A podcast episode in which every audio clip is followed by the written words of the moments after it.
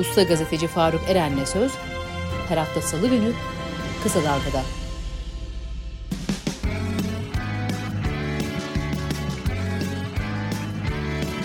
Kulağınız bizde olsun. Kısa Dalga Podcast.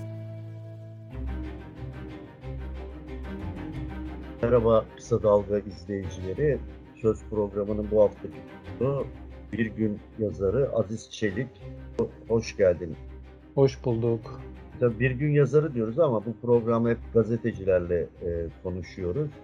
Ama sen aynı zamanda bir akademisyensin çalışma ekonomisi konusunda, işçi sınıfı tarihi konusunda çalışmalarım var.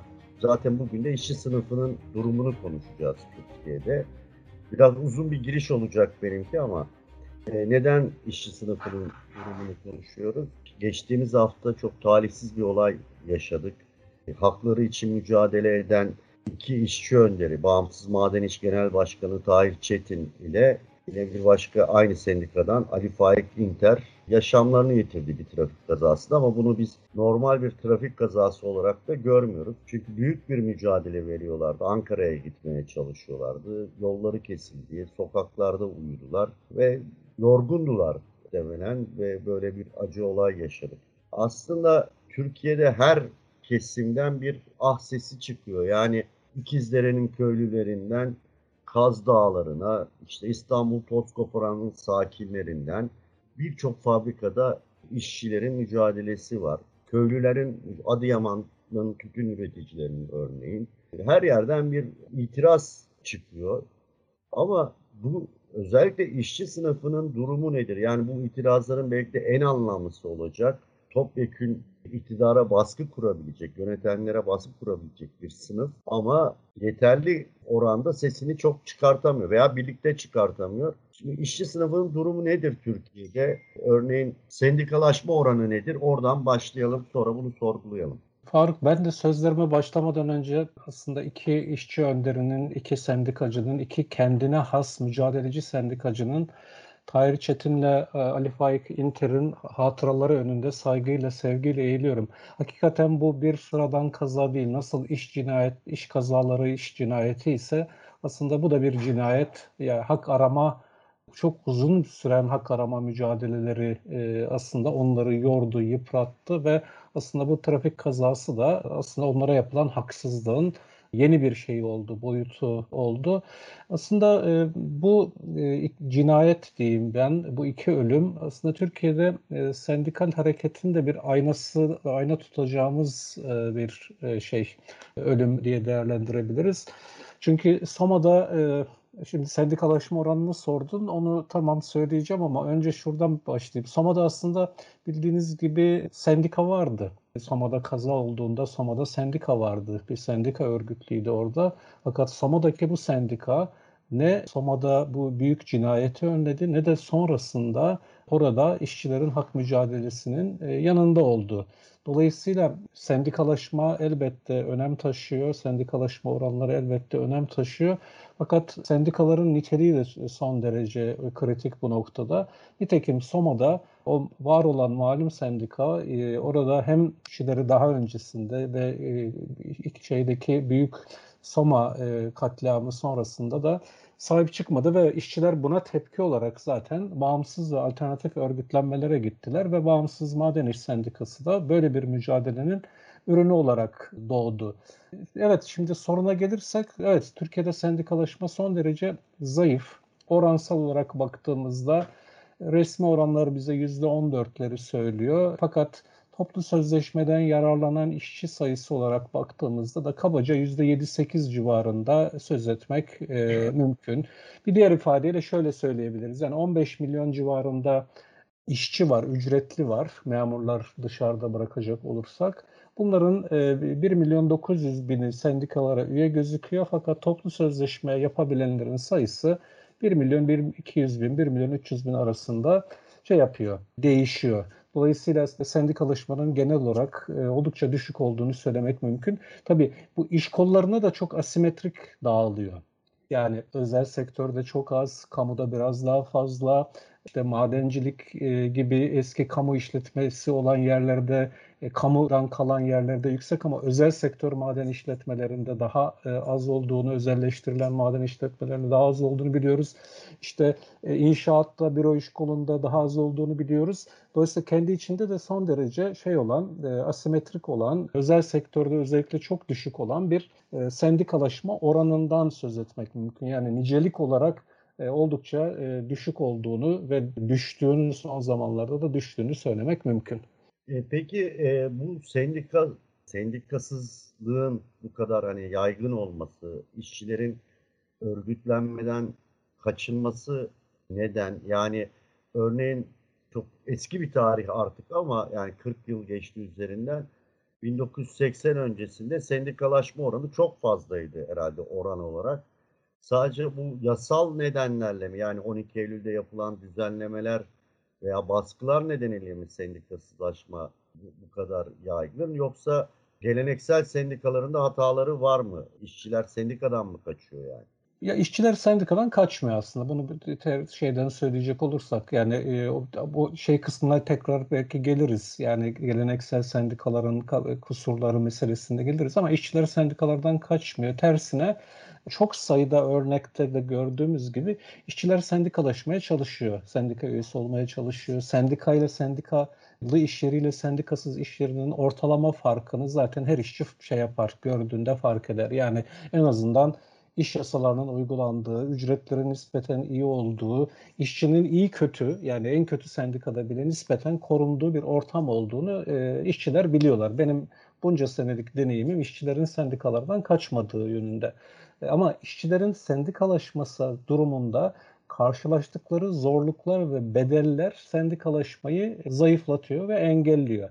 Yani e, sendikalaşıyorsunuz, anayasal bir hak, sendika üyesi oluyorsunuz, işten atılıyorsunuz, işten atılıyorsunuz, yargıya gidiyorsunuz. Çok uzun bir yargı süreci. Bu yargı sürecini velev ki kazandınız, işe iadenize karar veriliyor. Fakat işe iadenize karar verilince işverene deniyor ki istersen alırsın, istersen tazminatını verebilirsin. Dolayısıyla Türkiye'de sendikalaşma hakkı e, patronlar açısından satın alınabilir bir haktır. Yani işçiyi atar, e, örgütleneni atar, mahkemeyi de kaybederse bunun karşılığını da işçi önderleri, e, attığı işçi önderlerine tazminat vererek şey yapabilir. Dolayısıyla anayasal bir hakkın satın alınabilir bir hak olduğunu, paraya tabir edilebilir bir hak olduğunu söylemek lazım. Bence Türkiye'de esaslı bir iş güvencesi sisteminin olmayışı şeyi zayıflatıyor, sendikalaşmayı e, zayıflatıyor. Onun ötesinde yani yasal düzenlemeler, patronların baskısı, idarenin, yürütmenin, hükümetin, e, bakanlığın ve benzerini yaratmış olduğu bir dizi zorluktan söz etmek. Bunların da öneminin altını çizmek lazım. Yani bunları hafifsememek lazım. Çünkü son yıllarda çok sayıda işçi direnişinin, büyük işçi direnişlerinin sendikasızlaşmaya karşı yapıldığını da e, burada hatırlatmak isterim. Bunun yanında tabii sendikaların e, burada kabahati e, yok mu? Elbette var. Pek çok sendikal belli bir üye sayısına ulaştıktan sonra o üye sayısıyla mevcut çarkını döndürüp yeni bir örgütlenme riskine girmeyi istemiyor. Türkiye'de sayılı sendikalar yani bir avuç sendika diyebiliriz bunlara. Bunlar örgütlenmeye çalışıyorlar, yeni yerlerde örgütlenmeye çalışıyorlar, büyümeye çalışıyorlar. Ama bir bölümü de mevcut üyelerle aidat sistemi dönsün diyor ve bunun dışında da başını ağrıtmak istemiyor. Böyle bir gerçek de var. O yüzden bazı iş kollarında bir sendikal mücadele göremiyoruz ya da yeni örgütlenme girişimleri göremiyoruz. Bazı iş kollarında ise kıran kırana bir mücadele görüyoruz. İşte burada aslında şey karşımıza çıkıyor senin söylediğin. Yani geleneksel sendikaların işçi örgütlemekten kaçınması ya da bunu yaratacağı sıkıntılardan, mücadeleden kaçınması gibi bir gerçekte olduğunun altını çizmek lazım. Yani Türkiye'de sendikaların çoğunluğu bir kıyasıya örgütlenme mücadelesine girse bugünkünden daha iyi bir tablo olacağına ben inanıyorum.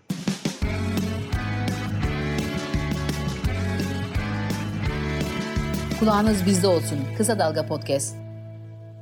E, aslında hani bu biraz tavuk yumurta hikayesine de benziyor. Yani çalışma hayatında bir güvence olmaması biraz sendikasızlaştırmayı ya neden oluyor.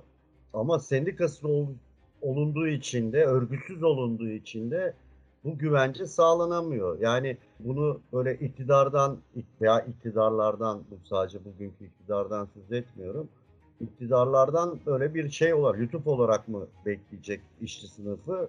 Yoksa Bu güvenceyi kendimiz sağlayacağız. Şimdi bir bölümü öyle yapıyor. Mesela kamu işletmelerinin çoğunda, kamu işyerlerinin çoğunda e, sendikacılığın böyle yapıldığını biliyoruz. Yani örneğin 10 yıl önce üye sayısı 150 bin civarında olan bir konfederasyon mesela HAKİŞ e, şu anda 650 bin 700 bin civarında bir üyeye sahip. Şimdi hepimiz Türkiye'de yaşıyoruz. Dolayısıyla bu üye sayısı artışının bir kıyasıya mücadele sonucunda ve e, elde edilen haklar sonucunda olmadığını biliyoruz. Bu üye sayısındaki artış neyle oldu? Kamu işletmelerinde kamu işvereninin ya da e, işte hem şey olarak idari olarak hem de siyasi olarak koruma ve kollamasıyla oldu. Aynı şey mesela memur sendikacılığına baktığımız zaman 2002'de 40 bin üyesi olan bir konfederasyon memursan şu anda 1 milyonun üstünde bir üyeye sahip. Buna karşılık kamu sendikacılık hareketinin kurucusu olan KESK, e, daha sendikalar henüz sendikaların sözü edilmezken, sendikalar, memurlar sendika kurulamaz derken bunları kurma geleneğinden gelen, fiili meşru bir mücadele hattından gelen KESK ise ciddi bir üye kaybına e, şey yapıyor, uğruyor. Şimdi burada devreye kuşkusuz şey giriyor. Yani konforlu alanda sendikacılık yapma e, şeyi isteğinde olanların şeyi varlığını dikkat çekiyor ve üye sayısını bu dönemde artıranlara baktığımız zaman büyük ölçüde bu konforlu alanda iktidarın koruma ve kollamasında sen, yapılan sendikacılıkla çok da arttığını görüyoruz. Ama bununla e, tek başına sendikacılık yapmak e, mümkün değil de bununla yapılan sendikacılıkla hak elde etmek mümkün değil. Çünkü sizi koruyup kollayan işveren de olsa, kamu işveren de olsa, özel sektör işvereni de olsa yarın hak istediğiniz zaman size ona olan bağlılığını, e, ona olan yükümlülüklerini hatırlatacaktır. Dolayısıyla bu yolla sendikal hareketin güçlenmesi mümkün değil. Bağımsız, kendi ayakları üzerine duran ve demokratik bir iç işleyişe sahip, şeffaf bir iç işleyişe sahip bir sendikal hak dışında başka bir seçenek yok. Bu zor ama bu geçmişte de başarılan bir şey. İşte. Geçmişte de bu tip sendikacılık söz konusu oldu. Yani güdümlü sendikacılık söz konusu oldu ve buna karşı alternatif, bağımsız, kendi ayakları üzerinde duyar, duran işçinin iradesine dayanan sendikacılık gelişti. Ben bundan sonra da bunun gelişeceğini e, inanıyorum. Bunun nüveleri olduğuna inanıyorum. Yani aslında birçok iş yerinde, özel e, iş yerlerinde, kamunun değil, e, işçilerin bir sendikalaşma eğilimi olduğunu görürüz ama az önce senin de hatırlattığın gibi hemen kapının önüne konuluyor. E, böyle birçok örnek yaşadık. Hala bu, bu, bu tür direnişler sürüyor. Hatta çok şiddetli polis müdahalelerine de maruz kalıyor işçiler. Ama genelde böyle bir eğilim var anladığım kadarıyla. Yani örgütlenmeye veya sendika değiştirmeye yönelik bir eğilim var galiba. Geçtiğimiz günlerde bir TESİŞ'in önünde bir eylem oldu galiba yanlış hatırlamıyorsam. Evet. Yönetimi istifaya davet ettiler. Peki bu kadar yaygın bir işsizliğin olduğu bir ülkede ki rakamlar hakikaten ürkütücü bu işsizlik de etkiliyor mudur örgütsüzlüğü? elbette yani işsizlik çok ciddi bir sopa e, işlevi görüyor. Yani hem işçileri birbirine düşürüyor, birbirine rekabet ettiriyor. Yani içeridekiler ve dışarıdakileri birbirine rekabet ettiriyor. Hem de e, çalışanların örgütlenmesi durumunda onları e, şey üzerinde bir e, terbiye edici bir sopa işlevi görüyor. Yani işten atılma tehdidi, yeni iş bulamama e, tehdidi ve bunu sağlayacak güçte bir sendikal güvencenin de olmayışı yani işçiler örgütlendikleri zaman eğer sendikalarına güvenirlerse ve o, o güveni vermişse bir sendika çok uzun bir mücadeleyi göze alan iş yerleri ya da eylemler söz konusu olabiliyor. Ama bunun için tabii e, çok az örnek var. Yani bu, bu tip şeye işçiye güven veren çok az e, örnek var. O nedenle yani işsizlik başlı başına e, hak arama yani sadece sendikalaşma için demeyeyim ama genel olarak hak arama mücadelesi açısından ciddi bir caydırıcı güç olarak işverenlerin elinde ciddi, ciddi bir sopa olarak şey görüyor. İş, iş, işçi sınıfını terbiye eden bir araç olarak çok önemli bir işlev görüyor. Sendikalaşmayı zayıflatmasının zayıflatıcı bir neden olarak hesaba katılması gerektiğini düşünüyorum. E, affedersin şunu da söyleyeyim. Ya bu ama her zaman böyle oldu. Yani bugün özgü bir iş değil bu. Bunun altını çizmek lazım. Yani işsizliğin azaldığı dönemler oldu ama yani bu şey baktığımız zaman 200-300 yıllık sanayileşme ya da kapitalizm tarihine baktığımız zaman işsizlik her zaman böyle bir işlev gördü ama buna rağmen e, bir sendikalaşma mücadelesinin de ve, ve at başı yürüdüğünü, paralel yürüdüğünü unutmamak gerekir. Evet, bir de bir yandan da yani iktidar örneğin bugünkü iktidarda işçi sınıfı karşısındaki tavrını çok net söylüyor. Örneğin Erdoğan o hal döneminde grev olmadı diye patronlara hani bunu sevinçli bir haber olarak söylemişti. Hakikaten her grev neredeyse güvenlik gerekçesiyle engelleniyor. Yani öyle büyük grevler yaşamadık uzun zamandır. Ama bu muhalefet açısından da burada bir problem var mı acaba? Yani mesela siyasetçiler sokağa çıkıyor, esnafa gidiyorlar genelde. Neden hiç mesela fabrika ziyaretleri veya işçi sınıfının bulunduğu yerleri ziyaret, sendikaları, ziyaret sendikalara gidiyorlar ama fabrikalara, işçi sınıfına neden gitmez muhalefet acaba? E yani Türkiye'de esnaf sayısı mı daha fazla? Çok tabii işçi sayısı daha fazla tabii çok açık bir fark var da. Zaman zaman aslında geçmişte böyle bir iki fabrika ziyareti, maden ziyareti falan olurdu ama son zamanlarda haklısın. Fabrika ziyareti olmuyor. Ya belki şeyden de esnaf böyle görünür dışarıda sokakta filan fabrikalara gittikleri zaman görünmez olacaklarını düşünüyorlar veya işverenler, patronlar, muhalefet partilerini iş yerlerine mi sokmuyor? Tabii bunların şeyini bilmiyorum. Sebebini tam olarak bilmiyorum ama haklısın. Yani Türkiye'de Evet esnaf da bu e, pandemi döneminde çok ciddi sıkıntılar çekti ama Türkiye'de 15 milyonu aşkın işçiler e, bir işçi sınıfı var. Memurlarla beraber bu 20 milyona yaklaşıyor. E, dolayısıyla bunlar çalışanların %67'sini %70'ini oluşturur durumdalar. Bu ziyaretlerin fabrika içinde olur, sokakta olur, başka bir yerde olur. Onların dertlerinin de dile getirilmesi gerekir. Bu hakikaten şey ilginç bir noktaya dikkat çektin. Doğru söylüyorsun. Hatta e, bugün işte Türkiye'yi yöneten Tayyip Erdoğan'ın muhalefetteyken grev gözcüsü önlüğüyle fotoğrafı vardır. Hani grevlere falan giderdi. Gerçi siyasetçiler grevlere gidemez muhalefet çünkü grev yok. Evet ama bu eski çok bu Türkiye tarihinde çok ilginçtir bu. Mesela Demokrat Parti de böyle yapmıştı.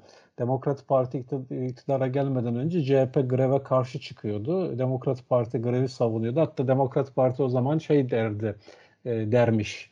Grevsiz, şey, silah, şeysiz, silahsız askere benzer benzetmesini yapardı ama sonra iktidara geldi Demokrat Parti. 10 sene boyunca grev hakkını tanımadı. Yani bu grev meselesi şey olduğu zaman oy getireceği zaman filan şey yapılır, sevilir e, ama sonra iktidara gelindiği zaman işçi hakkı vesaire e, şey yapar e, iktidarları rahatsız eder. Özellikle sağ iktidarların Türkiye'de bu grev meselesi konusunda böyle bir e, neredeyse 60-70 yıllık bir şeyi var, sicili var. Yani benzer bir sicili var. Biraz süremizin sonuna geliyoruz. Aziz Çelik'le konuştuk.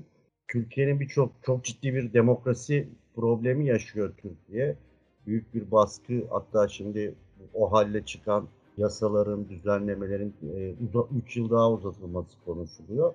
Ama bu baskıdan herhalde en çok işçi sınıfının örgütlenmesi ve mücadelesiyle kurtulabileceğiz. Biz bu programı Bağımsız Maden İş'ten Tahir Çetin ve Ali Faik İnter hayatını kaybeden işçi önderleri anısına yaptık. Ee, Aziz son söyleyeceğin bir şey var mıdır? E söyleyeceğim şu aslında yani sınıf tarihinde ve emek hareketinin tarihinde de böyle yıldızının parlamadığı dönemler olur, olmuştur çok sayıda. O yüzden aslında bunu e, bir ümitsiz e, dönem olarak değerlendirmemek gerektiğini düşünüyorum. Bir zor zaman olarak değerlendirmek gerektiğini düşünüyorum.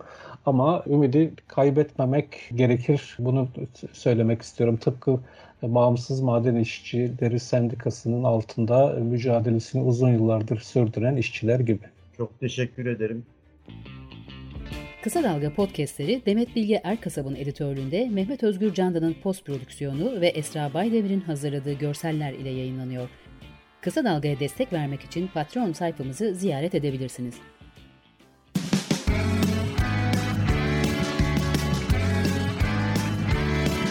Kulağınız bizde olsun. Kısa Dalga Podcast.